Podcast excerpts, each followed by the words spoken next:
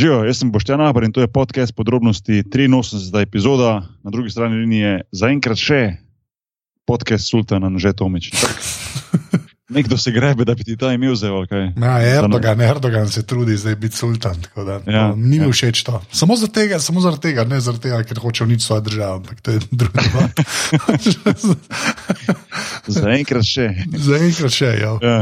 V glavnem, uh, ja, danes uh, današnjo epizodo podpira uh, zopet um, mlado podjetje Let's Doodle, um, ki se ukvarja z izdelavo enih zelo, zelo, zelo cool, cool hudijev. In um, v, v povezavi s tem moram povedati, da današnjo epizodo sponzorira tudi Pošta Španije, kajti jaz sem končno dobil svoj hudi um, uh, ki, ki ga je Nec, um, ki fura um, to, to zadevo, um, ki ga je poslal. Že ti si dobil že pred časom, se pravi, slovenska pošta je ja. bolj hitra kot španska. Jaz sem imel toliko cajt, da sem ga že upravil enkrat vmes.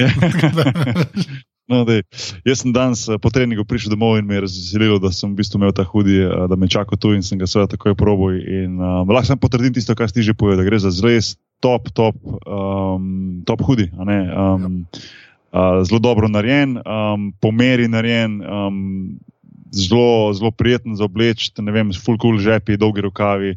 Um, ne se vidi, da delajo kvalitetno in uh, nekako je lepo videti, da je en tak uh, mlad par iz Slovenije, ki to, um, ki to firmo fura, um, sicer živite na portugalskem, um, da jim to tako lepo uspeva in da tako lepo stvari izdelujeta in konec koncev zelo kvalitetne.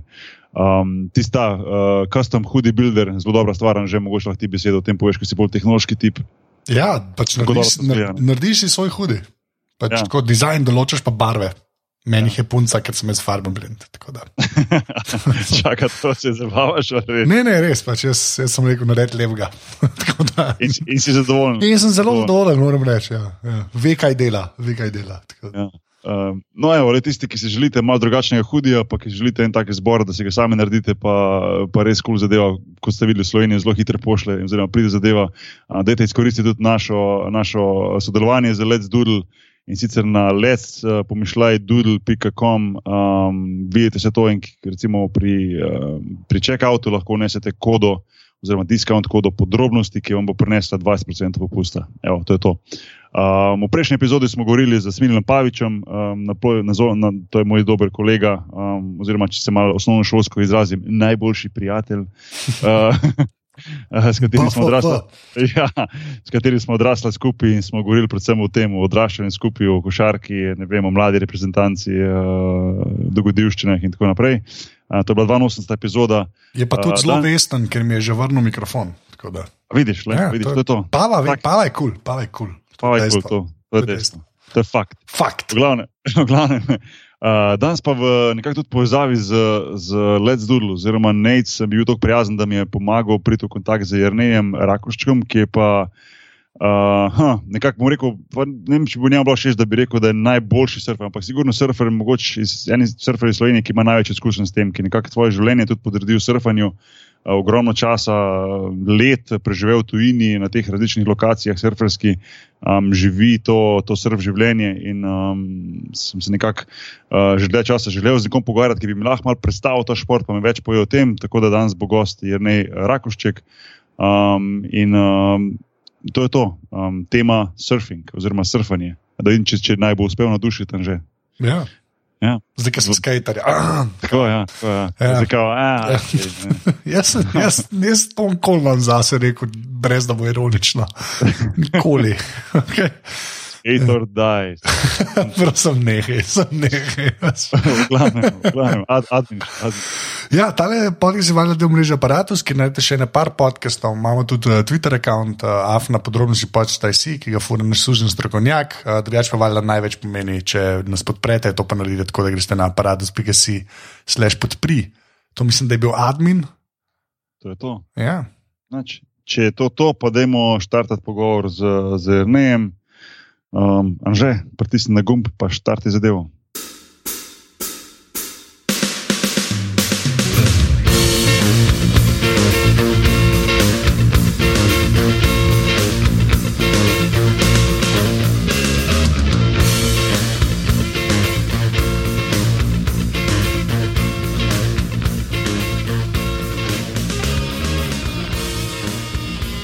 Uh, torej, ne, kje smo te zdaj ujeli. Sloveniji si trenutno se prej, prej omenil. Ja, ja, srednje bitne, to je zraven kranja. Sem zdaj že nekaj časa, od novembra sem že v Sloveniji, pa ostajam nekaj časa. Aha, zato, ker uh, ko sem jaz pač uh, um, gledal malo po internetu, te pa malo bral, pa to vidim, da si v bistvu kar, kar leteč drugače. Uh, Uh, nisi lih na eni lokaciji nekaj časa, oziroma si, ampak to ne pomeni, da si v Sloveniji. V bistvu si skoraj najmanj bil v Sloveniji v zadnjih letih, če sem prav razumel. No? V zadnjih ne, petih, desetih letih. Recimo. V bistvu 2-4 je bilo kar, kar intenzivno. Aha. Uh, uh, ja. In, uh, in kako sploh izgleda tako uh, tak, tak življenje? Mislim, jaz pa svoje si predstavljam, recimo, ajde, ok, živim že pf, vem, res 15-16 let tujini, ampak jaz imam nekaj ustaljen ritem, veš, se pravi, vem, kdaj mi začne sezona, igram sezono, po koncu sezone spakiram, grem domov, sem poleti mesec, dva doma in tako naprej. Uh, ti pa mogoče malo drugačno, uh, malo drugačne selitve, pa, pa na take lokacije, ki so, ki so malo mal atipične za enega, za enega športnika, no? oziroma za enega športnika, ki se ukvarja z žogo. ja, ja. Um, ja, lej, sej, uh, podobne v surfanju so tudi sezone, veš, glede na to, kaj ocean počne v severni in južni hemisferi, tako da se surferi, tisti, ki so predani temu, tudi nekako selijo s temi sezonami. Se pravi, ko je zima, hočeš biti na severni polobli, um, ko je tukaj poletje, je zima na južni in hočeš biti tam, ker takrat so pač ti dogodki na oceanu naj, najmočnejši oziroma najbolj konstantni pogoji za, za surfanje. Tako da se tudi nekako seliš s temi. Um, S temi sezonami. No. Mm. Kje, pa, kje pa si preživel največ časa, recimo, da ti je najbolj domače v tujini, recimo, kjer, del, kjer je država, kjer je kontinent? Najbolj domače je ena par krajev, definitivno Avstralija, vzhodna bala Avstralije, to je Gold Coast, to je tam malo pod Briznom, potem Kanarski otoki, tudi dosta eh, domači, Atlantske obale Evrope, um, Francija, Baskija v Španiji.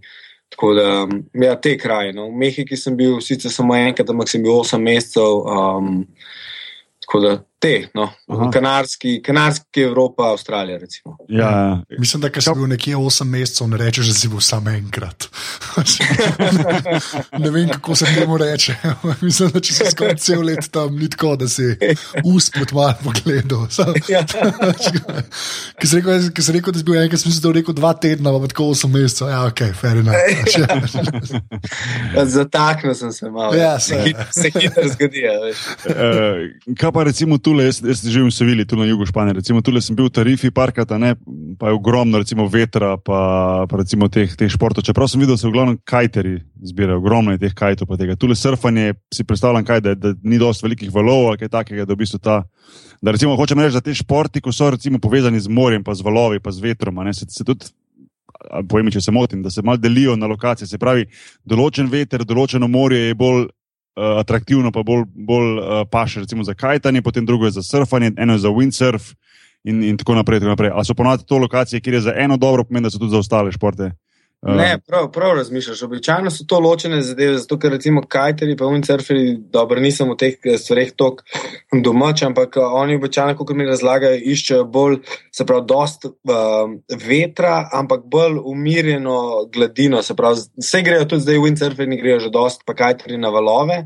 Ampak um, njim je pomemben, kako je en recimo, kanal uh, vetra, s tem, da ni tok zdaj preveč razburkan, razburkan ocean. Medtem, ker za, za surferje je pa tako, da sicer valovi naredijo, mislim, veter naredi valove, ampak hočemo pa mi tam, ker surfamo, da so pa lokalni pogoji skoraj brez vetra, oziroma če že piha, da piha zelo malo z obale, da ti še zgledi valove. Tako da običajno nismo na istem mestu. No. Uh, no, Posebej po imel pravi feeling, no, zato ker sem uh, v bistvu to opazil. No. Je pa bilo zanimivo videti, recimo tudi v Tarifi, če greš na en, na en tak res vetroven dan, ker to je pa tako kilometr in kilometr ravno, pa samo tisti kajti v zraku. En tak lep, lep pogled je, no. mislim, ne vem, po svoje zanimiv. Čeprav uh, pri kajtanju, ena stvar mi je jasna, kako svoje ne, ne zapletejo s tistimi vrvicami, veš, kaj eni v drugega vozijo. Ja, ja. je, ker, res, ker jih je masa, veš, to je tako res ogromno število no, tak, na kupu. Ja, glede tarife sem enkrat tam, ker sem bil še na koncu srednje šole, sem šel na štop, sem šla s prijateljem po Španiji, po Portugalsku, sem se tam ustavila, sem se z enimi domačini nekaj pogovarjal in pravijo, da so tam domačini prav nori, zato ker bejda jim 24 ur na dan, 7 dni v tednu, uh, celo leto skozi pihano. Ja, škaj je tule? Tule je v bistvu, uh, zato ker pač ta Gibraltar, pa ta, ta užina zraven ne ogromnega vetra. In jaz vem, recimo, doskrat, ko imamo recimo kakšen vikend, freja, pa kakšno nedeljo, freja, pa kaj hočemo iz družino. Uh, pogledati ta del v Španiji, ker so obale izjemno, izjemno lepe, morje je zelo čisto, um, sicer mogoče malo hladneje, kot smo ga mi navajeni. Uh, gor v Jadransko morje, pa malo više gor v Sredozemskem morju, ker tukaj iz Atlantika pride dosti morja noter, tega bolj hladnega. Ampak uh, smo se pa navadili ene stvari, ki prej nismo vedeli, da treba obvezno prepogledati na Windguru, a veš, pogledaš na internetni stran. ker če prideš tja na napačen dan, pa lahko v Sevilji, ki je recimo eno uro vožnje stran, 35 stopinj, pa sonce, pa žge, pa rečeš, grem se ohladiti dol, ampak ne, veter je tam toliko močen, da enostavno ne moreš biti na plaži. Razen, mm -hmm. če nisi zdaj, ne vem, kajter ali pa ne vem, da pač enega od teh športov povezani z vetrom. Enostavno ni prijetno tako močno pihati. Vetrovi so tukaj, so pa v glavnem skose, ne celo leto. Ne. Um, je pa res, da kadar se pa najde, kadar se pa najde kak, kak dan, ker ni vetra, pa potem plaza, plaža prazna, oziroma ni teh kajterjev, pa se malo ti domačini, pa, pa te, ki se hočemo kopati, uh, pa mi malo zasedemo te, ja. te prostore. Škaj sem te vprašal, za enega taka tak, dva lajka, kot smo jaz pa že, kaj bi ti upisal surfanje, recimo, kaj je surfanje, no? oziroma kaj, kaj je surfanje, pa kaj te predstavlja surfanje? Ja, zdaj, mm, mislim, je, mislim, surfanje v osnovi je izkoriščanje valov za to, da se voziš po vodi. Um, z desko, s telesom, s krajšo desko, v leže, v stoje, v miže, kako hočeš. Ne? To je v osnovi. Zdaj pa kaj pa meni predstavlja, pa tako da. Um, Tudi na Havajih, ki sem bil dvakrat, pač mene je surfanje tako prevzelo, recimo za enih 15, 13, 14 let življenja, da um, meni surfanje predstavlja veliko več kot samo to, kar sem opisal na ven.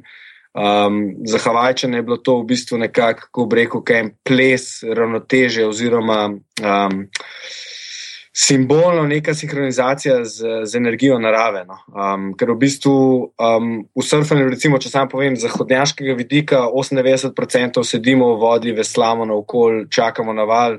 Če smo res na dobrih pogojih, pa smo dobri surferi, se manj kot 2% časa vozimo. Ne? Tako da v bistvu surfanje sem opisal, ja, je ta vožnja po valu, ampak izkušnja je pa dejansko vse več kot to. Ne? Mislim, veliko več časa počneš druge stvari, kot se voziš po valu. Ja, razumem. Ja.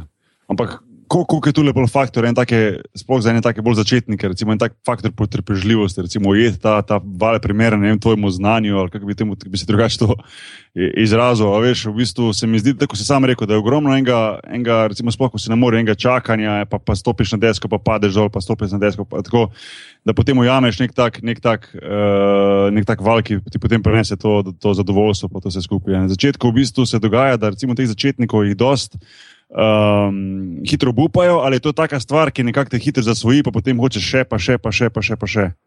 Ja, se mi zdi, da je um, tudi v sodobnem času, ki je to, ki težko ljudem biti res. Um, da so res koncentrirani samo na eno stvar, da to, kar ti v oceanu te, te surfanje postavi en trenutek, ko moraš biti res, res koncentriran, da se mi zdi, da ta aspekt zelo hitro potegne ljudi Ehm, ne vem, kako bi rekel, da, veš, da začutijo, da se je čas ustavil, da začutijo svoje telo. Tako da se mi zdi, da surfanje kar hitro potegne ljudi, ne glede na uspešnost. Zdaj pa za vajo z anžetom je pa tako, recimo, da je vse odvisno od pogojev, pa od nekoga, ki vam surfanje predstavlja. Če vam en dosti pravilno surfanje predstavlja, pa če so pogoji dosti v redu, lahko le v roku petih dni sem bil zraven, ker so se ljudje zapeljali po valu, pa niso bili neki motorično blazno sposobni, da bi rekel, da se skrišni športom na kopnem ukvarjajo. Tako da je zelo, zelo odvisno od pogojev, pa od človeka, ki ti, ki ti prvič predstavlja surfanje. No. Ok, ja. ampak so bili ti ljudje dva metra visoki. Ker mi smo oba približeni 204, 205 od oka. Ja. Tako da je to na 3 metre valove.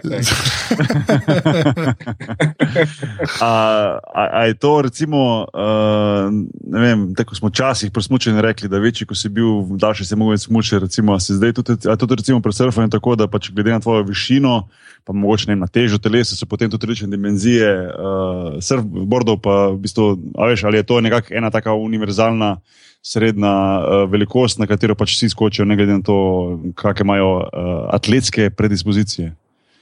Ja, je nekako, uh, ja, da, da je malo večje od tebe, deska, ampak tukaj zdaj, recimo, lahko apeliram na, na košarko. Klej sta zdaj dva različna pogleda. Ena je, recimo, če bi nekoga košarko učil, pa bi ga naučil tapkati, ali pa recimo, da zadane koš. Kaj zdaj pomeni, da, da zna košarko, da tapka ali da zadane koš? Ja, oboje. ja. ja, in doskrat je pa zdaj v surferski industriji tako, da v bistvu ho, ljudi sam hoče naučiti tapkati, kar pomeni, da jih dajo na tako veliko penasto desko, da se na penci pelejo proti obali in ostanejo in kao, wow, to je surfanje. Vstal si na deski v vodi, medtem ko si se pelil proti plaži, zadnji te pa pena porivala, ne val. Ne? Aha, aha.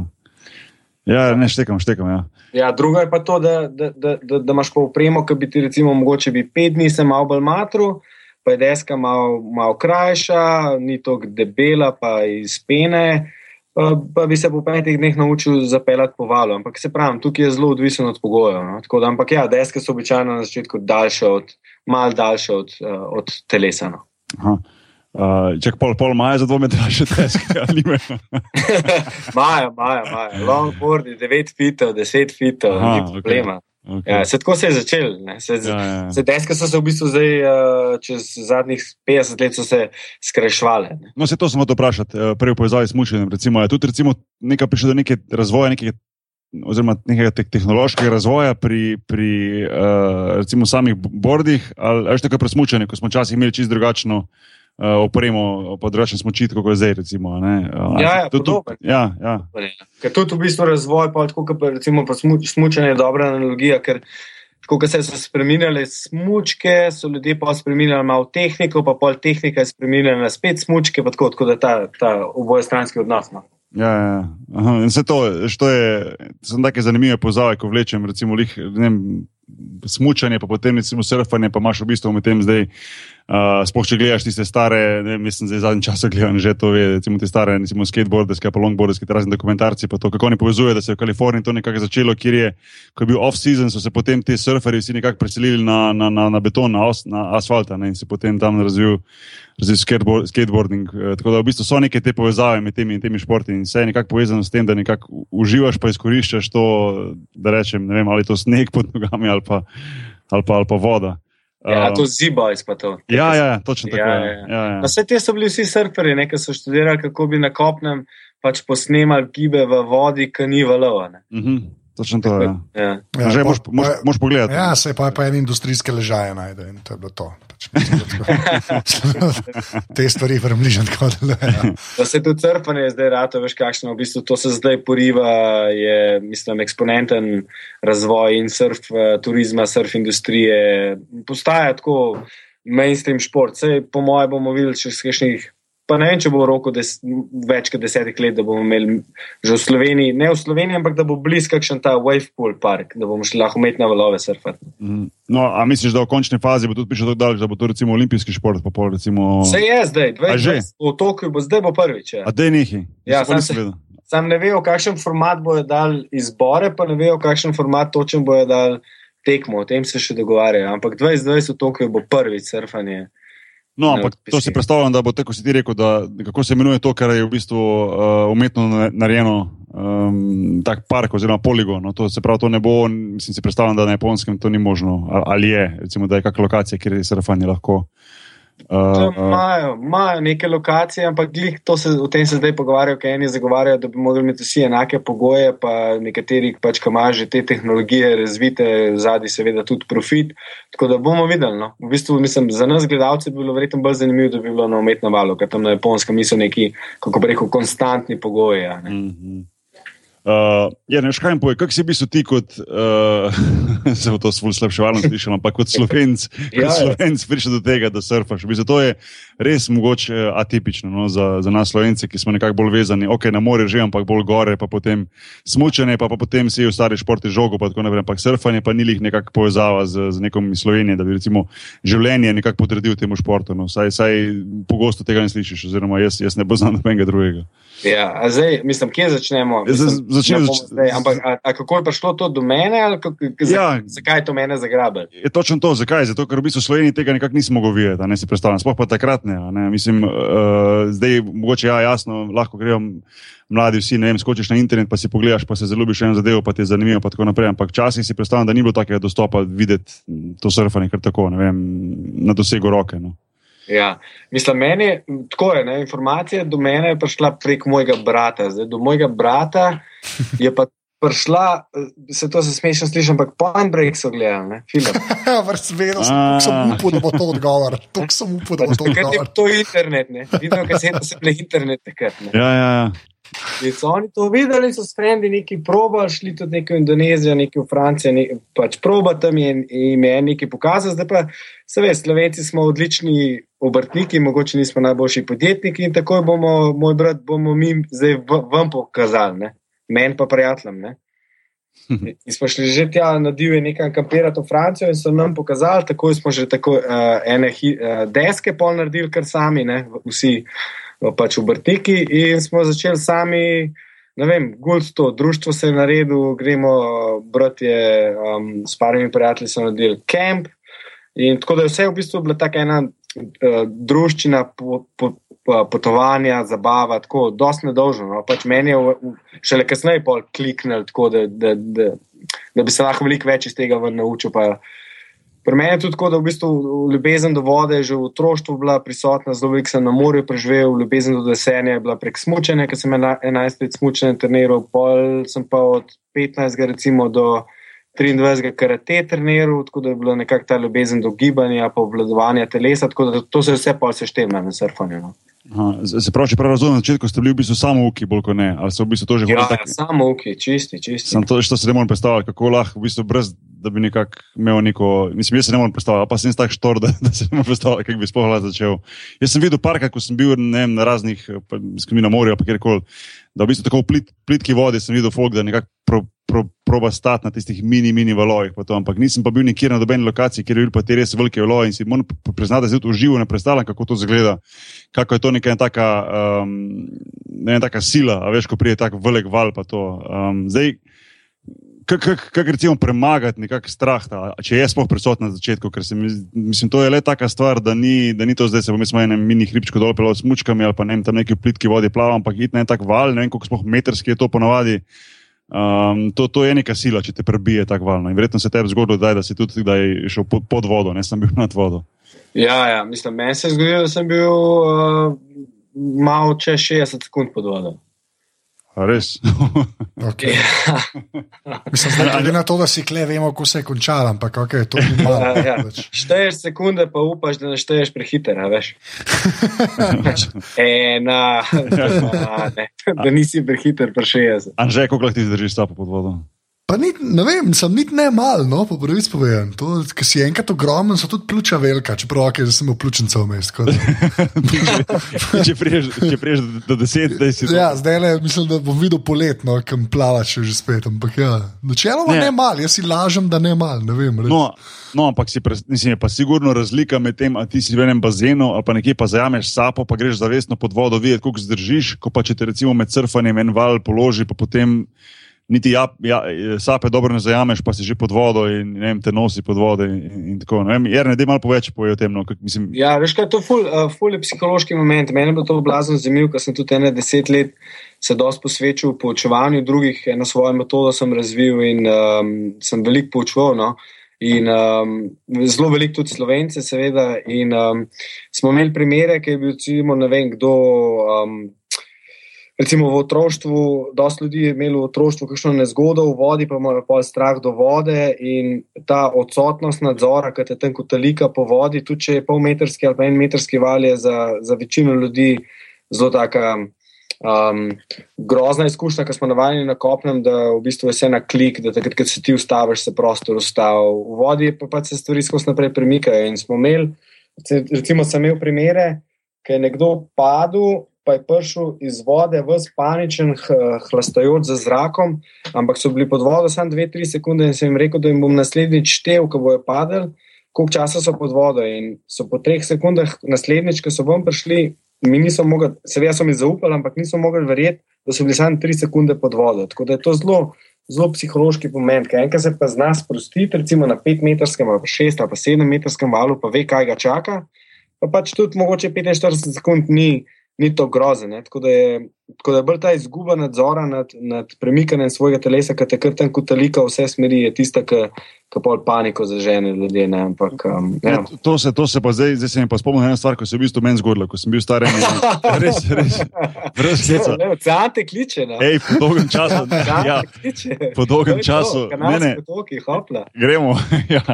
Ne, res. Um, po dolgem času, zdaj sem se spomnil na eno stvar, ki se mi je zgodila, ko sem bil star 10-12 let, po mojem. Jaz sem bil um, na, na košarkarski šoli Jurek Dovski, bil Portorož včasih, tam v 90-ih, uh, poletni kamp, uh, pač tako košarkarski tabor. In, som, in se spomnim, da smo imeli v, v, v, v sklopu tega pač vsak dan, oziroma vsak drugi dan, se ne spomnim. Pač, uh, uh, eno uro popoldan med treningi, nekako lahko šli na šolo tega windsurfa. Um, čisti ste osnove, so nas tam učili spodaj pri, um, tam, port, ne znam točno povedati, kje, ampak tam med, med Piranom in Porto Rožo, no, ker je ena mini. Druga kolinska skladišča. Bravo, bravo. bravo. Se sem jaz tudi na tem kampu, to so že obdelali enkrat. No, evo, ampak, ampak sem ti bil, kaj je bilo? Ne, to, to pa ne vem, Aha, to no, evo, no, in, ja. in, mi smo šli, in, in, in mi smo šli v bistvu, jaz sem šel zraven, jaz sem bil v bistvu skoraj najmlajši, bilo dosta starejših fantov takrat tam. In uh, je bila pač, va, mislim, vaja, pač. Normalno, vsak je stopil pač na, na desko in si pač probo vleči tisto jadro. In tako redko komu jad, je uspelo, da je prvo uro, ne, da je sploh uspel jadro ven zvleči, pa da se je primo za jadro, da je obstal gor. Do, večina nas je popadala, ker te pač eno teže, totalno zjebene. In potem jaz sem pa v bistvu prevlekel tisto jadro gor in pa sem na pač, hrbet padel. Na, pa na hrbet padel, ja, in je jadro padlo na mene. Ja, ja, in jaz ja. potem nisem mogel z tistega jadra ven, uh, ker sem pač, meni so pol kasneje povedali, ker sem prišel iz panične vzvode, ne, ker sem v bistvu plaval v isto smer, kot se je pač potem bord obračal, ne, s tistim jadrom. Ne. In sem total zapaničaral in imel en tak, eh, ne vem, mini-paničen napad, po mojem. In zdaj, ko se spomnim, da sem zapletel tiste tri sekunde, po mojem, je bilo to enih tri, štiri. Samo meni se je zdelo, kot da sem bil res eno minuto ali pa dve pod vodjo. No, mislim, pretiravam, ampak res nelagodno občutek, no, ko si v bistvu nekako uh, ujet pod vodo. No, Um, veliki morski pes je sred Portoroža napadel, pa je le izpustil ven. Morske, vse mi pa ne spominjate, to pa že, to pa že dobro vede, to je pa moja rak rana. Da... A si žrela, a si žrela? ja, to imam pa traume. Imam pa traume ja. ne, in, in, in glede na to, da si morske pse omenil, sem te mislil, kasneje vprašati, ampak, ampak te bom zdaj. No. Si kdaj imel uh, uh, priložnost uh, srečati, ker ga tako bližnje srečanje od blizu videti? Ker sem, mislim, uh, jaz sem videl, da je bilo tudi nekaj nesreč že recimo videl sem en posnetek lani od enega surfera na enem tekmovanju, ki ga je morski pes napadel med tekmovanjem. Ne vem, če si videl tisto. Um, mm. uh, vem, ena punca, ena surferka, se mi zdi kar poznana, da je enkrat.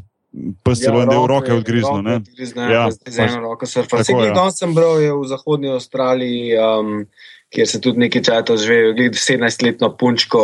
Um, ja, je glih pač je do, krv, do smrti izkrvavela, danes jo je napadlo. Um, mislim, dobro. Ja, uh, mislim, moje osebne izkušnje so, da v Mehiki je plaval en morski pes, smo ga vsi videli po dnu, uh, mimo nas, ni bil velik. A veš, kaj, tudi, a veš, kaj ribiče vedno re, rečejo, kakšno, kakšno ribo so videli. Veš, ker, se, ker, se svetloba, ker se svetloba lomi in vidiš objekte v vodi 30 odstotkov večje, kot so v resnici. Ja, ja. Ne, tako da ne vem, koliko je bil pač unje, pač plaval mim. Uh, v Avstraliji lansko leto so s prijateljem surfali, pa ti Avstralci so dosti sproščeni, kar se tega tiče. In smo videli, rekli, tako, a ste vi tudi videli morskega psa tam le? So rekli, ja, ja, se ni velik, se jim plava.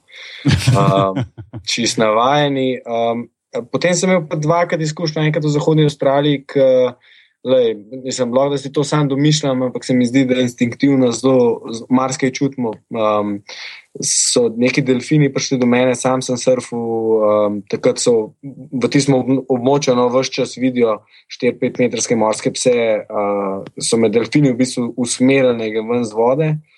Um, wow. Enkrat tudi na vzhodnji obali. Um, sem surfal, pa sem šel ven z vode, pa je helikopter min preletel, pa je 700 metrov stran enega, ker je pač en, enega napadel, uh, dosti blizu. Um, pa enkrat sem rekel, vodi pa dubo kurijo pot. Ne vem, ja, pač imel sem neke te. Sam, mislim, govoriš pa to zelo tako, da je pač, ne vem, motorist mimo pelal, če stune. Pač ja, veš, pač ja, enkrat je šel en mimo z enim kavasakijem. Ampak, dobro, mislim, ja. mislim uh, Kolik, mislim, to moš pa res imeti, se mi zdi en šport, pa eno dejavnost, pa eno, vem, eno stvar, rad, da v bistvu si pripravljen en tak mini rizik narediti. No, pa se bo zdaj, zdaj bo kdo rekel, ja, pa se le preko šarke, tudi greš na koš, pa, pa padeš grdo, pa padeš na glavo, pa lahko, ne vem, huda nesreča, ne se res. Ampak se mi zdi, da to je le malo drugačna stvar. No, a, a, ko, ko, ko, ko recimo, greš, ko zaplavaš v vodo, pa ko greš tako, ne vem, koliko stran se gre pa do obale, ne vem, 100 metrov, 200 metrov stran, se ne znam predstavljati teh razdalj. Ampak imaš to sploh v, v zavesti, to sploh razmišljaš, ali, ali to sploh ni, sploh ni prisoten ta misel, recimo, vem, morski pes, ne vem, sreča, ne vem, napad eh, in tako naprej. Ja, zdaj, veš, kaj, zdaj, pozim, mislim, zdaj sem, sem šel parkrat tudi v te slo, lepe slovenske hribe in se mi zdi, da to lahko primerja nekako s plazovi, po moje da, da v bistvu, če hodiš v hribe, pa tudi po zim, vse veš, mislim, vse nekako vidiš, kje področja so bolj plazovita, kje ne, ampak um, pa si tam ful bolj previden, ali pa se obrneš, pa greš nazaj. Ne. Zdaj pa moški spih ni tako, da vsakeč greš v vodo, kjerkoli na svetu, moraš zdaj sprejeti možnost, da te bo napadlo. Zato, ker um, če malo, še posebej danes, imaš lahko aplikacije, ki ti povejo, kje so jih videli, kje jih niso, a plavajo za ribam. Pač tako, se lahko, glede tega, kar dosti izobraziš. Um, je pa tako, da se moraš pač vprašati, um, koliko ti to pomeni. In, um, ja, včasih pač greš tudi v vodo in, in si dvakrat bolj pozoren kjerkoli plus k vode, oziroma če se slabo počutiš, greš ven z vode. Ne? Um, se pa na to navadiš. Vsi ti profesionalni uh, surferi, ki so največ v vodi, pa surfajo v največjih krajih, ki je največ morskih psov, pa ni nobenega napada. Ne. Vedno je napad, ki je tako, ne vem, na koga, ki, ne vem kako bi rekel, no, ne, na, ni naključen nikoli, nikol, ampak um, ni to tako pogostnost. Sam pač v medijih je to tok, pa, pa tok nam je grozen, zato ker to je tako, ne vem. Ne vem tudi Da vem, gobe greš nabirati, čeprav veš, da je medved. Ja, ja. Ne, ne, se to da razumem. Ja. A, a pa isto, isto kot pri medvedu, da v bistvu, če, če vidiš morskega psa, da moraš čist primeru biti, pa se dela tako, da si mrtev. obstaja obstaja, obstaja kak, uh, kak protokol, če pride do bližnjega srečanja. Ne to tako polno, polno šali sprašujem, ampak me zanima, mislim, ja, je, ja, ja. A veš, a je, mislim, a je, ali, ali sam piči majster čim prej ven, pa, pa je to to.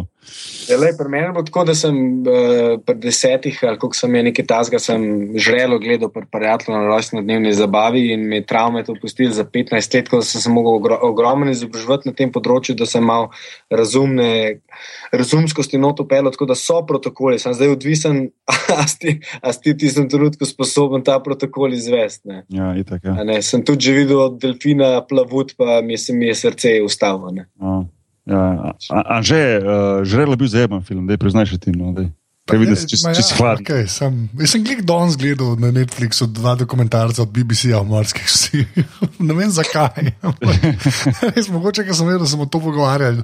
Ampak ja, so čisto ok, žvalino. Tako da jaz res ja. nimam te. Res nimam, ne, pa tako, tako je Jarni rekel, to je res tako redko, res so te stvari tako redke, da, da, je pač, da je noro. Uh, da, ja. pač je pa res, da se valjda zagrabne, ker je pač morski pes in potem izmeram brutalna senzacija, ko se obregne ob enega človeka. Ne. Ampak ja, načeloma je pa. Po mojem, več medvedov ljudi napade, kot morski psi, skoraj upam reči. Ja, pa, pa tudi tako, veš, tudi tako, da greš ne, nekam greš v hribe, pa greš čez eno, ne vem, mi mene kmetije hodiš, pa tam leti res ogromen nemški očarne.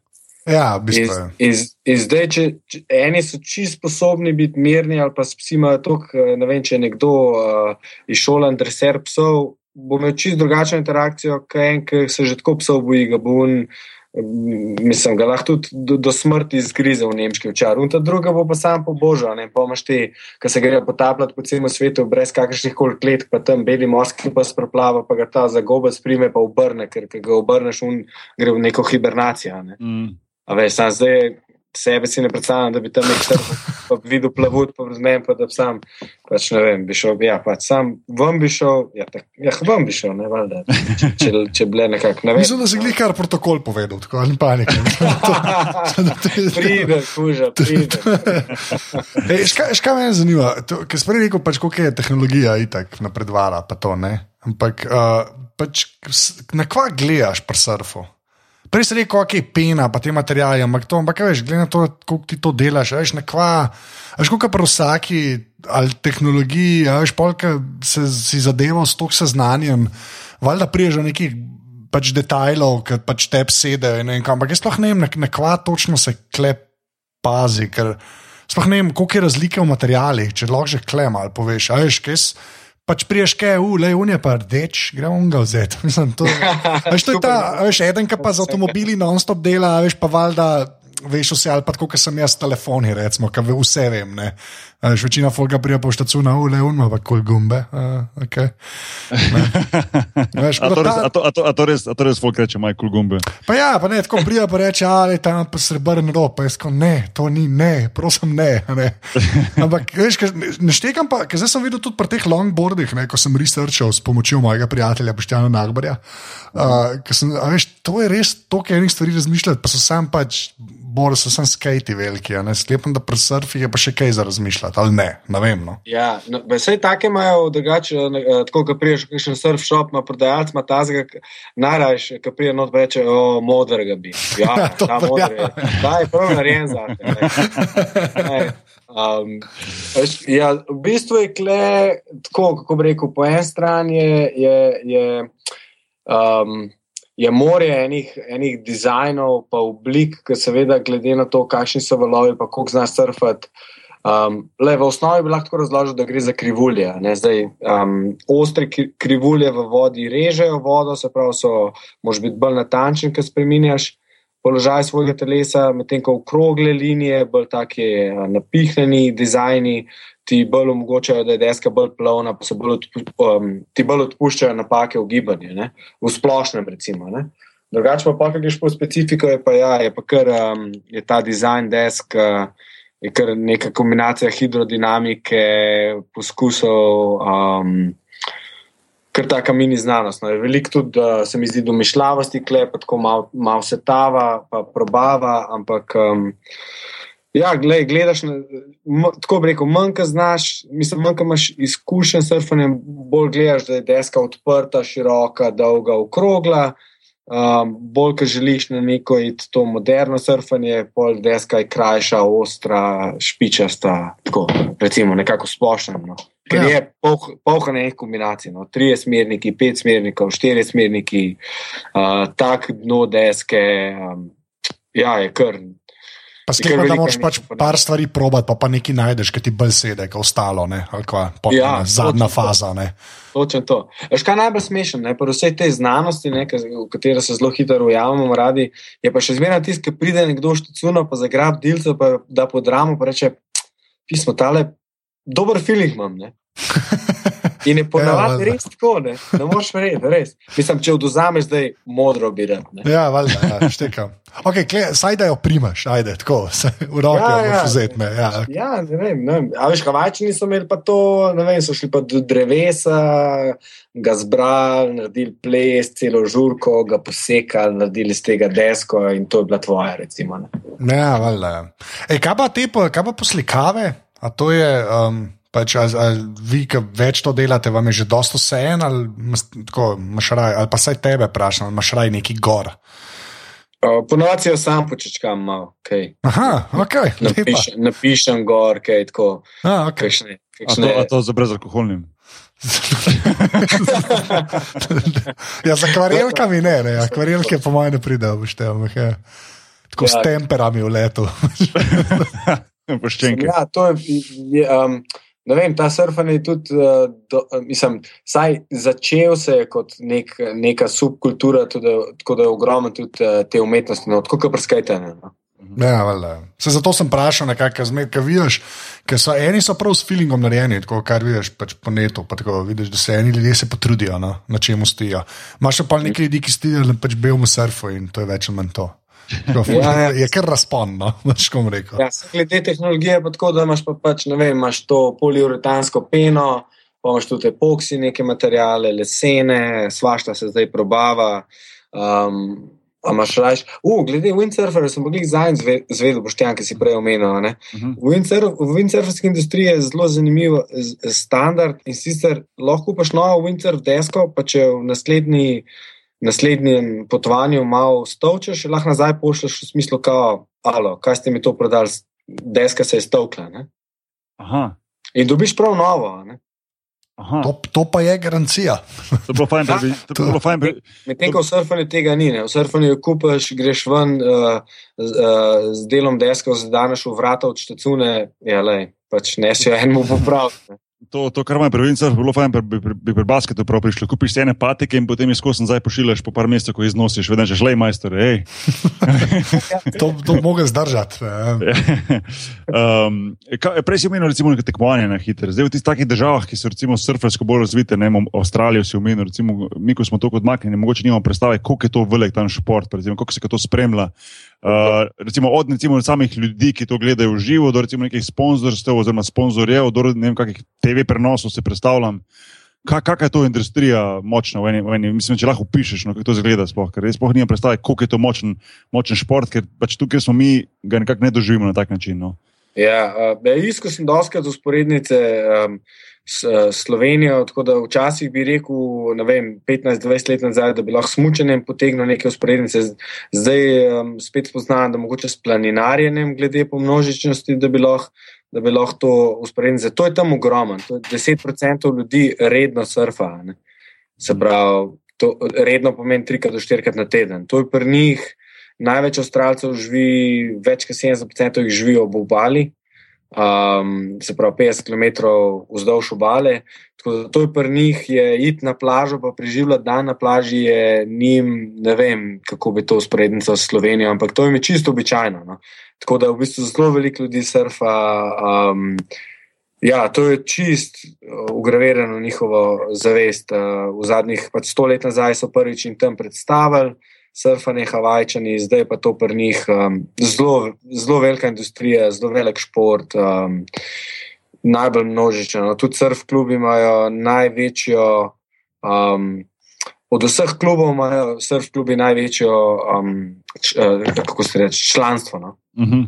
uh, Ja, uh, kaj sem hotel vprašati, recimo kot profesionalnega športnika me zanima. Kaj je recimo življenje enega profesionalnega surferja? A veš, ali to dejansko samo potuješ po tistih, ki so pač top, ne vem, top 10, 100, top 100 v svetu, se niti ne vem, kak sistem toč, točkovanja imajo, ampak recimo to je potem res dejansko samo potovanje pač po teh lokacijah, glede na pač obdobje leta, ali, ali so tu zraven kakšne priprave, kakšne so sploh recimo lahko priprave enega surferja, a veš, pač na vodi si, a ne zdaj, kako ima to povezave z enim kopnem, si predstavljam, da ja, kondicijo nabiraš na nek način, da tečeš po to, ampak ne, mi lahko mogoče malo, malo več o tem poveš, recimo, no, neka, nek, biti profesionalni surfer, kaj to pomeni, recimo. Ja, to šele zdaj v zadnjih, recimo, um, Recimo 76. so še prvi svetovni pokal začeli, da so hodili po svetu, pa so imeli tekme na različnih koncih, pa se je to na koncu štel. Zdaj je to prišlo dostopno, ker imaš 11 tekem po celem svetu, um, 40 jih je recimo v svetovnem pokalu, kamor je prek drugih sistemov točkovan. Uh, it, da pridejo do teh v, v to kvoto 40, pa imajo pa 11 tekem po celem svetu, se selijo, Um, in najboljši na koncu po seštevku je, je svetovni prvak. Pod to piramido je pa pohod enih regionalnih, uh, lokalnih, po vseh starostnih skupinah tekmah. Tako da po eni strani se športniki te profesionalni pripravljajo tako, da tekmujejo na vseh teh ostalih tekmovanjih, pa počasi probojajo napredovati, pa prijeti v svetovni pokal, da so lahko svetovni prvak. Po drugi strani se pa šele zdaj oblikuje, oblikuje v bistvu nekako mnenje, včasih mislili, da da, um, ker ima surfanje tudi ta mističen element, da če hočeš biti dober surfer, moraš pa sam surfati, da ne moreš na kopnem noč trenirati, ki bi ti lahko pomagalo vodje. Aha, aha viš, zanimivo. In mislim, zdaj, ne, v zadnjih 15 letih, recimo, je, je pa eksponenten poraz, da so ljudje dojeli, da je mogoče pa če kakšen strečing, pa vaje za moč, pa kakšne šprinte, ali pa kakšno jogo, ali pa prehrano, pač kot ostali športniki, če na kopnem to malo začnem uh, na svoj mest postavljati, da, bo tudi, da bom tudi bolj surfal. Pač. Um, ampak še zmeraj, ja, še zmeraj, po moje, ne vem, če od teh najboljših, ki so na svetu, ne vem, če jih 50 postov res trenirajo, kot recimo profesionalni košar, košarkaš, uh, ki mm. imaš pač kondicijske priprave, pa imaš pa tehnične priprave. Pa ja, ja, ja. ja, zanimivo je, ko nisem sem bil siguren, da boš rekel, da ja, da recimo vsaj pol časa, veš tako recimo smučari, ko recimo bi si človek predstavljal, da so skos na, na, na snegu, pa v bistvu ogromno enega treninga naredijo v fitness dvoranah, na stadionih in tako naprej. Mislim, da bo zelo podobno tudi tukaj. No, malo preseneča, v bistvu, da si res samo na vodi. No. Ja, veš kaj, val je to nenadzorovan uh, dogodek, pa uh, ne, ne stoji na mestu. Tako da v bistvu moraš biti toliko časa v vodi, da lahko um, svoje, da, da lahko dobiš uh, to število uspešnih ponovitev. Tako da v bistvu kleje ta kompromis, ki ga moraš narediti. Koliko časa bi to vodi, pa res trenirati te gibe v situacijah, ki se vse čas spremenjajo. Koliko časa biti pa zdaj na kopnem, pa pač samo delati na, na, na, svojem, na svojem telesu. Ne? Ja. Um, kaj pa recimo samo, sama tekma, recimo neka, kaj se v bistvu pri, pri nekem tekmovanju surferskem sploh ocenjuje? A veš, a mi lahko to malo razložiš? Ker, ok, ja, se nek, neko grobo sliko si predstavljam, pač mogoče ne vem, ujet najboljši val, pa mogoče izvesti, kakšne nema, se sploh kakšne trike, ali je to važno samo brzina, ali je važno recimo kako izvoziš, kako, kako dolgo zdržiš. Eh, Se pravi, sploh nimam predstave, recimo, kaj, kaj, dela, kaj loči tistega, ki je najboljši, pa tistega, ki je tretji, recimo, pa peti, a veš. Ja, ja. No, vse, si, vse si že podoben, vse si že uh, približno si že prav predstavljaš. Ne? Imaš, um, v grobem je tako, da imaš pet sodnikov, sodniki dajo od nič do deset oceno, ta zgornjega pa ta spodnjega se črta, od ostalih treh se povprečje um, dobiš oceno. Podobno kot pri Um, smučarskih skokih. Torej. Tako, ja, Ja. ja. tako. In, in dve najvišji, recimo pol ure si v vodi z ostalimi tekmovalci. V pol ure, um, dva najvišja um, oceni, ki jo dobiš, ti seštejeta in to je tvoja vsota za tistih 30 minut. Pa imaš pa turnirski sistem, recimo prvi krog, drugi krog, tretji krog, četrt finale, pol finale, pa tako. To je eno. Kriterije pa. Um, včasih je bilo, recimo, ko so začenjali, ne, te kriterije so se spremenili, so imeli tudi recimo, dolžina vala ali pa višina vala. In pol je en naredil, ne vem, če bi val je naredil 20 čist istih zavojev, pa je dobil višjo ceno, kot en, ker skoraj salto naredil. Ne? No, se to, a, v bistvu, a, Um, lahko, tako sorry, da prekinem, a lahko v bistvu en, ki v bistvu jame nek slabši val, zaradi pa, ker ima, ker ima pač manj sreče, vseeno to nekako ven zvleče, pa zmaga, ali res v bistvu dosti odvisno od tistega, da pravi trenutek, ko jameš pravi val. Pa še pod vprašanje, kdo pa določa, kdaj greš na vrsto, pa kdaj si, kaj pa če dva naenkrat hočeš izpatavali, pa jaz pismo, da jaz bom, jaz bom, jaz pa se dva zaženeta, tega ni, ali kaj. Ja, to, so zdaj, to so zdaj v bistvu v teh letih, uh, pač v 30 letih profesionalnega surfanja, so zdaj tako uh, sfrizirali, da so te kriterije tako naštimali, da je tudi za gledalca super, da je v vodi vse urejen in recimo, da, se, da začnem s tem ta zadnjim, imaš pač rotacijsko prednost. Pravi, če, mi, če gremo mi tri v vodo, pa že to prvo val ujame. Uh, Kar bi se vam um, zgodilo, Itak, sorry. itak, itak. Ja, seveda, ne. Logično. In pa, ho- in pa hoče, in on pa pride nazaj in hoče kar že naslednjega, ampak pa si ti na vrsti, pa za tabo pa pride pa uh, moja izbira, se pravi, da si izberem val. In pa imaš ko rotacijo, ne prednost rotira. Ne? Se pravi, unka ima prednost, si lahko zbere, una dva pa na ostanke lahko poštartata. Ne? Aha, aha, Tako da je v, v vodi en fair play. a Ne? ja. Uh, kriteriji so pa zdaj tako sfrizirali, da v bistvu tisti, ki naredi najbolj. Um, najtežjo zadevo na valu, na najtežji točki na valu, ker to je tako, val, verjetno si predstavljate tubo. Ne. Ja. no, in zdaj neki nares zavoj, skoraj tam, kjer, kjer se val uh, uh, uh, ovija v tubo, je veliko težje, kot nares zavoj 10 metrov stran, ki je še čist položna stena. Ne? Mhm. Ja, Tako da, ja, tako da, predstavljam, ja. ja, tako da v bistvu, kje narediš kaj, pa pa z močjo, hitrostjo in da je to tekoče, da imaš nadzor. Uh, pa da tudi različne trike lahko kažeš, pač ocenjujejo vožnjo od nič do deset. Zdaj, višina vala niti ni tako pomembna, je pa tako, da če bo recimo že, ki bo tri metrski val ujel, mi da bo pa metrski pa pol. Če bo on neki, on lahko dva zavoja naredil v zelo kritični točki, ker je to višji val od najga, pa bo dobil zelo večjo oceno, kot če mi da narediva ne vem, pet istih zavojev tam nek na steni na varnem. Ne. A, ok. Ampak to, to je pa v bistvu, mislim, je pa, do, je pa lepa uronilovka pol. Ne? Tako, mislim, ne greš vnaprej noter, pa pač si lahko jezen. Mislim, ne moreš biti tako jezen, da si slabši val dobo, realno gledano. Ker dejansko lahko vsaj neki vam potegneš. To je pa v bistvu dosta ok. Nisem vedel, Ja, da je. ja, ja. Kar, sem na koncu črto potegneš, unkaj ti sled bil najbolj nekako uh, konsistenten, pa se v vseh pogojih najbolj znajdu. Pa tako pač, ja, je, je, kar, je kar v redu kriterij. No. Največji zagovorniki pač tega, ko pa danes hoče te wave parke, so pa te, da pa ajde, ne imajo vsi enak val, pa da pol vidimo, ampak to gre pol sam v tehniko. a ne. Ja, se to je, pol, Ja. ja. pol to ni čist surfanje, ne, I guess. Mislim tako. Ja, ok. Ja, ne. Ja, nisi imaš prav, se pol ni, pol vzame nek tisti svoj, če ne drugega, svoj nek čar vzame, vzame stran tisto, no se mi zdi. Lih, lih, ta, lih, ta, lih ta, ta nepredvidljivost, ki je mogoče prenese surfanje na morju. No. Ja, ja. No, vse to je po mojem, recimo, prkošek je po mojem to podoben, v, če igraš v gosteh ali pa doma. Ne? Ker je pač malo drugače verjeten. Ne? Ja, je, ja. Se no. se, se razlikuje, seveda. Tudi, tudi ni vseeno, kje v gostih igraš. Tako da v bistvu Ja. a veš, so, so razlike, sigurno. ne. Um, a, a pa recimo, um, mogoče malo glupo vprašanje, ampak recimo, ko surfer pač zajame val, pa ko, za tekmovanje govorimo, a, je- a, je, a je važno za njega, da potem ostane na surfu do neke določene točke, tako recimo vem, pri, pri smočarskih skokih, kjer lahko ti skočiš ne vem, kako daleč, pa ne vem, kak rekord podreš, pa če ga pol pogrneš na koncu, neč ne uveljalo. Ali, ali, ali ne, a veš, kaj mislim? Uh, Ja, vem, kaj misliš. ja, Ja, ja, tukaj ja. se je izkazalo v zadnjih parih letih, da sodniki, ki so pač tudi ljudje subjektivno malo drugačni, ni, se pravi, ni odbijanja točk, da bi recimo, če nekdo na koncu pade, da mu odbiješ točke zaradi tega, ampak sodniki subjektivno očitno malo drugače zajamejo vožnjo, ker nekdo naredi čist par hudih manevrov, pa pa ta zadnjega, ki se val zaključ, pade. Recimo, ne. Uh -huh. Ali pa če ta zadnjega odpele. Zdaj se je izkazala ena taka formula, da če v bistvu ta prvi zavoj, un ta prvi trik, ki je, da, da je močen, pa pa ta zadnji spet močen, pa izpeljan, da to nekako eh, najbolj pritegne sodnikovo pozornost. tako, mislim, ker še zmeraj so ljudje, ki to opazujejo. Če ti vidiš nekoga, ki štarte, pa uh, ko ga je hudo zategnil, pol vmes je nekaj naredil, pa pa še na koncu ta zadnji zavoj, pač imaš tako en, ne vem. Ne vem, plus, minus, plus, ali kaj imaš. Ne Vem, ampak ja, uh, je dosti pomembno, da, da zaključiš val. Ni- Ti pa to noč ne oduzame. So tudi primeri, ki dobijo desetko, ki naredi, ne vem, tri take zavoje, da sam vsi pobuljajo, pa, pa ta zadnjega pač pade. Ampak še zmeraj dobi desetko, ker je z unimi tremi naredil vse, kar je bilo možno do, do temne. Ja, ja.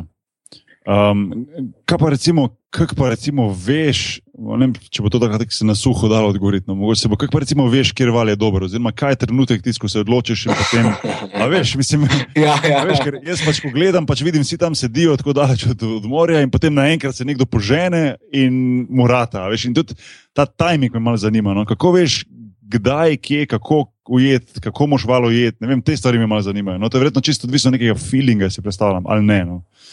A kako veš, kje je žensko, so že me najboljši v življenju?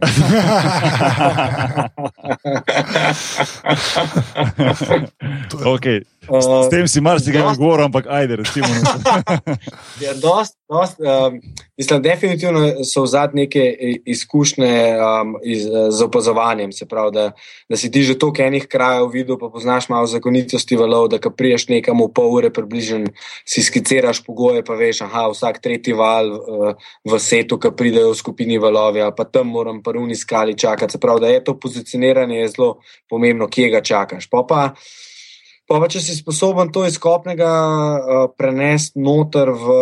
To je tako, kot recimo, ne vem, pretekmo imaš neko taktiko, kako boš igro odigral, pa pa una druga ekipa začne čist po svoje igrati, čist drugače, kot so običajno na video posnetkih in moš ti podoben zdaj spet se držati svo, svojega plana. Tako da, če si sposoben nekako dobro opazovati, pa se pol tega držati v vodi, uh, pol se dosti hitro znajdeš. No, drugače pa lahko zgleda vse, kaj en, kaj en kaos. Ampak so, so neki znaki, da, da ti. Ja, veš, kaj to je samo v bistvu tako. Energija gre samo čez vodo in če jo ti znaš prav, prav uh, opazovati, ti v bistvu pove, kaj, kaj se bo zgodilo. No, ne vem, če sem to Ja, ja. tako dobro razložil. no, Ne, ne, ampak- si si sploh tisto, ko si v bistvu s košarko primerjal, se mi zdi malo mal zanimiva povezava, tako da ja razumem. No. Ja, ja, ja. Ja. Vsega na kopnem ga tudi surfamo, samo druge valove. Ne? ja. um, kaj, poj, um, prej si omenil um, v bistvu uh, ti svoj začetek, pa me zanima, sem, ko, ko si potem rekel, da te pa na enem, enem momentu te pa pol zagrablo, da si pa v bistvu uh, vem, čutil, da, čutil, da je to to, ne pa si predstavljam, da, da, da je tudi ta nekakšen surferski life. Je, je specifičen in to se spada zraven. Um, da mi, mi malo več o tem, povej, kako to izgleda, v bistvu ta sproščenost, pa uživanje na morju, pa, pa to življenje. Pa, pa mi hkrati še omen knjigo, ki si jo ki si napisal, ker verjamem, da je nekako povezavi s tem bila napisana. No. Um, mislim, da pred petimi Ja. leti prišla na šestimi, če se ne motim. Ja. E, to lahko, po mojem, povezal s tem, ka, vem, če, bereš, če, če, če, če greš brati knjige od kakšnih teh, ki so jadrali okoli sveta, ali pa so veliko na morju preživeli, ki v bistvu se, se zaljubiš ali pa v kjerkoli drug naraven element, ampak je zraven zelo veliko ustrajnosti, um, potrpežljivosti, napak. Uh, Pri meni bo to, da se mi je, kot sem prej rekel, ljubezen do vode, do gibanja, do drsenja, vse to se mi je seštel, pa sem pa tudi ugotovil, da da stvari, ki mi na kopnem nekako manjkajo, da mi jih lahko cansko surfanje skozi neko zabavo, skozi zabavo nauči. Uh, zdaj, surferski življenje se mi zdi, da če ga pogledam z današnjim. Če ga primerjam z današnjim svetom, da je dosti kaotičen, se pravi, skozi se seliš te valove, skozi uh, loviš, uh, sezonsko delaš, uh, iz meseca v mesec, uh, na koncu v bistvu, ko priješ na kopno, razen tudi, da si moker, pa da imaš malo voska v rokah, ti nič tazga ne ostane. Ampak um, če se te, ne vem, pri meni bo tako, in to je tudi knjiga, polno nadaljevanje te, te diskusije, uh, da je meni oceansko surfanje začel. Um, mislim, gotovo sem, da, da so neke življenjske lekcije, vzad, ki se jih lahko skozi surfanje naučim, zato ker je ocean pač neoseben prostor, energija se vse čas pretaka, vedno moraš biti v sedanjem trenutku edina. Edini kamen spotike je v tvojem žepu, če me, me zastopta. Se pravi, sam sebi si vedno na poti, ne v mhm. oceanu, nikoli ti nič noče. Um, tako da meni je v bistvu to, um, to me najbolj potegnilo. No, to, ja, no, to, to. Zdaj pa surfanje, sproščeno življenje. Um, ja, je, valjda, da je na morju si, malo surfaš. Uh, ne more biti slabo. Ne, uh, ni, ni, ni. A knjigo, knjigo se še da dobiti, mislim, vem, da že pred že par leti nazaj šla, pa sem to pač na internetu videl, pa sem uspel sam prebrati en odlomek. Ja, knjiga seveda še, še, še, še zmeraj dobivam, še zmeraj dobivam povratne informacije, vsak to vcata se najde, kdo pa se pa dobiva, pa knjigo predam. V angleščini v Avstraliji se v redu prodaja. Že nekaj čas, časa iščem založnika na svetovnem trgu, da bi to mal, ta zgodba mal, mal en tak večji razpon dobila. Um, drugače pa ja, knjigo se da dobiti uh, pri meni v bistvu. No. Um, Tako no, da, no, no, se naslednji srečamo, vam jo podarim. Super, z veseljem. Eh, jo, jo, jo zajem pa preberem, ker, ker se mi zdi, da bi bilo res zanimivo malo mal, mal skozi tvoje besede, oziroma se s tvojim opisom doživeti ta, life. No. Ampak uh, načeloma učenje oceana je ime, um, se imenuje knjiga, če sem prav. Ja, ja, sem prav ja. ja, govori o tem. Ne, pač dejansko govori o tem, da, da ko sem se prej malo pošalil, ampak to je za me izkustvena resničnost, da, da um, zjutraj se zbudimo v posli in mi imamo v glavi pač nek urnik, nek potek življenja, pa to pa, pa ostaneš, pa greš ven, pa so velike vlavi, mehne vlavi, piha veter, tok je, ni toka, gužva na cesti, ni gužve, se pravi. Uh, Ves čas surfam, mislim, smo obdani z, neki, z nekimi valovi življenja, zdaj lahko rečemo elektromagnetni, pa gremo bolj fizikalno gledati ali pa ali pa, ali pa drugače eh, naravno, ali pa ekonomsko, kako koli. Ampak da so skozi, da je v bistvu življenje, da če življenje dojamemo, da se bolj nam dogaja, kot da ga mi moramo. Ne vem, kako je to. Se pravi, da pač tudi na kopnem surfamo. No? Um, ne, ne, sej, sej, jaz te razumem. Da, če se znamo obnašati. Uh, Ja, ja. Um, upam, da bo tudi lahko poslušal. ja. um, uh, škaj, uh, zdaj, ko si v bistvu to, kar si že prepotoval, pa toliko raznih uh, lokacij, pa ne vem, uh, spoznal druge ljudi, ne vem, živel to srpsko življenje. Je mogoče kakšna anekdota, ki se ti je mogoče uh, vtisnila spomin, da bi rekel, da je pa, to pa bilo neko tako posebno doživetje, ne vem, kako presenečenje, kakšna smešna stvar, ki se je zgodila, mogoče ne vem kontrasmešnega, da je bilo kaj takega. Uh, ali v bistvu so to nekako eh, dnevno in take stvari, ki se jim tako zlagajo, en tak mozaik, pa na koncu rečeš, da je bilo en tako res eh, vem, življenje uh, polno zanimivih dogodkov skozi skoz skoz to življenje, v bistvu skozi surfanje. No.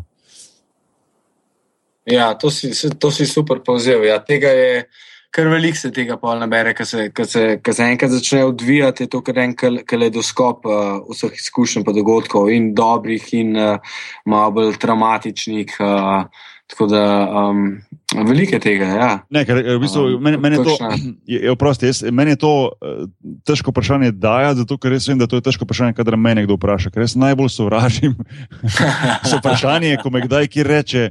No, zdaj nam pa še povem eno anekdoto iz košarkarskega življenja. Pa, te, ko ne veš, ki bi začel, pa ne veš sploh kaj je vem, primerno v tistem trenutku, ali, ali je bo zanimivo v tistem trenutku, ker se mi zdi, da včasih, ko nekako te anekdote doživljaš, recimo, saj jaz jih tako vidim, je mogoče bilo takrat meni zanimivo, pa tistim okol. Pa počasi, ko povem, kje je zgodbo, pa vidim tisto, ko jim razložim, pa ni bilo tako zanimivo. Ampak uh, zato to, to, to vprašanje nekako ne maram. Ampak sem rekel, vseeno te bom vprašal, ker tvoje življenje se mi pa zdi, da je le to malo malo tipično, da je bilo vredno vprašati uh, za kakšno tako anegdoto oziroma kako doživeti, ki jih je itek bilo vredno polno. No, mm. Ja, um, recimo ena se mi je, mi je zdaj prišla na, na misel. Um, sem bil uh, na Baliju, sem bil, um, tam je en, en kraj, ki moš tako iti malo po stopnicah dol, pa potem čez eno jamo ven izplavaš in moš čez to jamo tudi po nazaj ven iz, iz vode prideti. Valovi niso bili tako visoki, um, ne vem, meter pa pol, recimo uh, vama tudi do glave. Um, um, in tam surfam, in na koncu vrste, ki tako pač bila, če si predstavljate, da, da ne vem, tako 100 metrov. 300 metrov ljudi po diagonalno se vozijo po valovih, pa pa čist na koncu vrste, tako še 50 metrov stran, se en neki dere, tako help, help, help, help, tako čist nebo glen in, in prveslam do njega. In rečemo si, um, vse je v redu, pa on, tired, tired, so tired. In takoj, ko sem ga videl, pa sem videl, da je verjeten čisti začetnik, ko je ležal, glavo je imel, tako glavo je imel na, na deski, da bi hotel zaspati, noge na razen, pa čist narobna pozicija. In pač z roke tudi ni mogel sploh več veslati, sam pomagi, pomagi, pomagi. In pač glede na pogoje, pa glede na kraj sem, okay, lej, kaj ti sploh gledaš, ne vem, kaj bi v šlapah bil na tri glavu. Um, ampak zdaj te moramo ven spraviti. In se ga tam porivu, da, da so prišla gor usporedno z jamo. Sem rekel, le, da se pa sam desno nagem, da boš jamo zadeval in ga je pena zadela. In se je on spet levo nagnil, in se jim jim uh, jame odpele, spet slam do njega, ga še enkrat porivam gor, pa mu rečemo, me zdaj noge skrb, stisnem malo mišice, veslej, pač ven moš prijeti, boš že pol tam, help, help, italijan, pač kaj, zdaj je on tam, jo, help, help, a tajer, tajer, ja pa kaj zdaj, kaj tajer, ven moš prijeti, kaj, kaj, tam so same skale, ne moš iti tam ven, pač na plažo moš prijeti. In ono drugo spet pride ta val, malo penca, on se spet v levo nagne. Ne? Desni in ga spet odnesem in jame, in sam pomaham, pa mu rečem, da pač, bo že, ne vem, bo že življenje v can, da te poskrbi. No, kasneje ga srečam, ne, v zuni je pač nekako prišel ven, ne vem kako sicer, ne, je pač prišel skozi eno jamo ven in prijem do njega in rečem, ko si kles pa v vodi delovane. In to pa ta ne klasična. On je prišel, je videl ljudi, ki so v vodi, je šel, si je sposodil desko, so mu dali eno kratko desko, čepačke. In je on pač videl ljudi v vodi in je mislil, da pač se bom naučil surfati. in, in, in je pač šel. Ne. Um, da ta, ta, ta je bil kar smešen. No. No, in, in to, se mi zdi, da to naj bo tudi za, za vse tiste, ki poslušajo, naj bo nekako tudi eh, vodilo, da, da ne kar vzeti borda, pa kar biti pogumen, pa, pa iti v vodo, če, če, če ne drugega, da se nam tem pozorili, ja. da se nam tudi drli help, help, tire, tire. help, help, tire, tire, ja. ta je bil kar. Sam sem imel pa tudi sam take izkušnje, ker smo šli s prijateljem, ki so zgledali 5-6 metrske valovi, pa so rekla, sej bo na teh deskih, ki jih, jih mava pa smo šli noter v vodo in takoj, ko smo prišli v vodo na, na, na, sipin, na, na, na beach se pravi, so se na milku lomili lovi, takoj, ko so vlazava lovi, so oba spoznala, da smo čisto na prekratkih deskah. In so si sam pomahala in so rekla, upam, da se oba dva vidva na plaži, pa smo imeli pa vsak svojo tako zgodbo, ker pač nismo imeli nobeno zreč help, help, ampak najprej sem desko zgubil, pa sem pa 45 minut eh, pla, po, pl, eh, plavanja rabo, da sem prišel nazaj na plažo, ker so bili tako veliki valovi, da sploh do plaže nisem mogel priti. In ker sem prišel na plažo, sem se sam na kolena zgrudil, pa sam, o, mati zemlja, tukaj smo doma, kva sploh po vodi delamo. Oh, a, to, a to je bilo takrat, ko si bil 60 sekund pod vodo? Ne, to je bilo v Mehiki. Tiste je bilo pa na Havajih, to je bilo pa ja. malo kasneje. Jaz sem samo eno vprašanje, glede na to, da dosti potuješ. Kjer, kjer je bil najbolj, najbolj surferski avto, ki si ga vozil? Pa vsi vemo, kaj sem zdaj vprašal, sklepam. Pač zihar... Surferski avto. Ja, veš, obstajajo te pač Volkswagen kombi, ne, ki so zelo popularni. Pa so zmeraj neki bagi, Ali pa vidiš, da je vem, pač Volkswagen Polo, ki ima zmerno ena vrata odrezana. Pač jaz zmerno so neki taki avtomobili. Da pač sam se nijame, če bi mogel enega tazga, prototip tega surferskega avtomobila, da si ga ti vozil, kjer bi bil. Tako enega moraš imeti, da si ga imel ekstra rad. Ja, le, s temi Volkswageni pač klišejsko sem se dvakrat zelo upekel. Enkrat smo ta prvi klubski kombi, ki smo bili, bil Volkswagen, ki mi je štajec rekel, le lahko mi pluneš v brez, če zre, žre več kot 9, no žrlo je 16 litrov na 100. Unka štajca nismo nikoli več našli. Drugega tazga Volkswagen se kupil na Kanarskih, pa je rekel, ja, ja, super, super, je glava motorja šla v enem mesecu. Uh, konc, katastrofa. Uh, Tako da v bistvu najbolj tak surferski, ki sem ga imel, mm, zdaj sem imel tudi en kombi v Avstraliji, bil tak nisem nomad. Um, Okay. ja, nisem imel takih klasičnih, no? nisem imel. No, sam vidim, da si imel izkušnje, tako da se to, to sem to vprašal, ker je, ker je Ja, noro. ja. ker je Ja, pač, sej Ž- Ja, življenje v kombiju, pa greš na okolje. Ne. Mene, sem, škaj mene še zanima za na koncu, eno tako tehnično vprašanje. Čist, uh, recimo, kako potovanje z, surf, z surfboardom? A, No, ker se ne predstavljam, ne predstavljam se na letališču, ko letiš na veliko letališče, kjer je masa ljudi, pa, tam z unim surfom, teh dvometrskih, excuse me, sorry, excuse me, oh, sorry, excuse me, pa teh mimo folka, pa mim grede enega po glavi, enega po hrbtu, enega po, a veš, uni guži noter. Mislim, a to dejansko tako zgleda, ali se to poš- pošle posebej uprema, pa potem se leti, ali ne vem, no, mislim, to mi malo razloži, to potovanje. To, veš, Ja, ja, te, te ljudje, ki si jih omenil na letališču, te, to je še najmanjša težava. Polk, ko priješ ti do šalterja, o, katastrofa. Aha. Tam pa, pač ja, potovati, eh, če veliko potuješ, eh, surfi, tudi zelo pred kratkim imel en uh, profesionalni surfer, ki sicer ne tekmuje, ampak je sponzoriran od firm, mu vse medtem, ko so- ko- ko je letel. Um, tako da to je kar. Um, To je kar zanimiva izkušnja. V bistvu vsakeč, ko nekam potuješ, pač deska imaš vedno sabo na istem letu. Um, Nestrpno čakaš, da odpreš torbo, pa vidiš, a je kaj poškodovana dela ali ni, koliko je bila poškodovana. Kaj, tako da to je kar. Um, tako, se pravi, no, prej, ko smo rekli, surfanje v kol hodiš, pa si sproščen, pa vse je super, ampak uh, to je pa kar taka temna plat tega Pri, prido, potovanja. no. prido tja je pa druga stvar, si predstavljam. Ja. Ja, surfi. Tako da to bi bilo super, če bi en že zdavnje naredil, da kamorkoli ko priješ, pa sam neko člansko kartico, pa sam tam te deska čaka, pa gremo dalje. Vse tako niso, niso golfisti, tako tisti, ki igrajo golf, v bistvu lahko priješ pač, ne vem, eh, v te golf klube, pa imaš tam no izbiro, ne vem, vse predstavljam si, da je tekno, ne vem, oziroma Vem, Ja. Če zmeram polni tvoja palca. Ne. Ja, sej, sej to. Ja, Ja, ja, ja. modra, ne, ni modra. Ja. oh, full circle se temu reče, to je pa noro. Crkve, ja.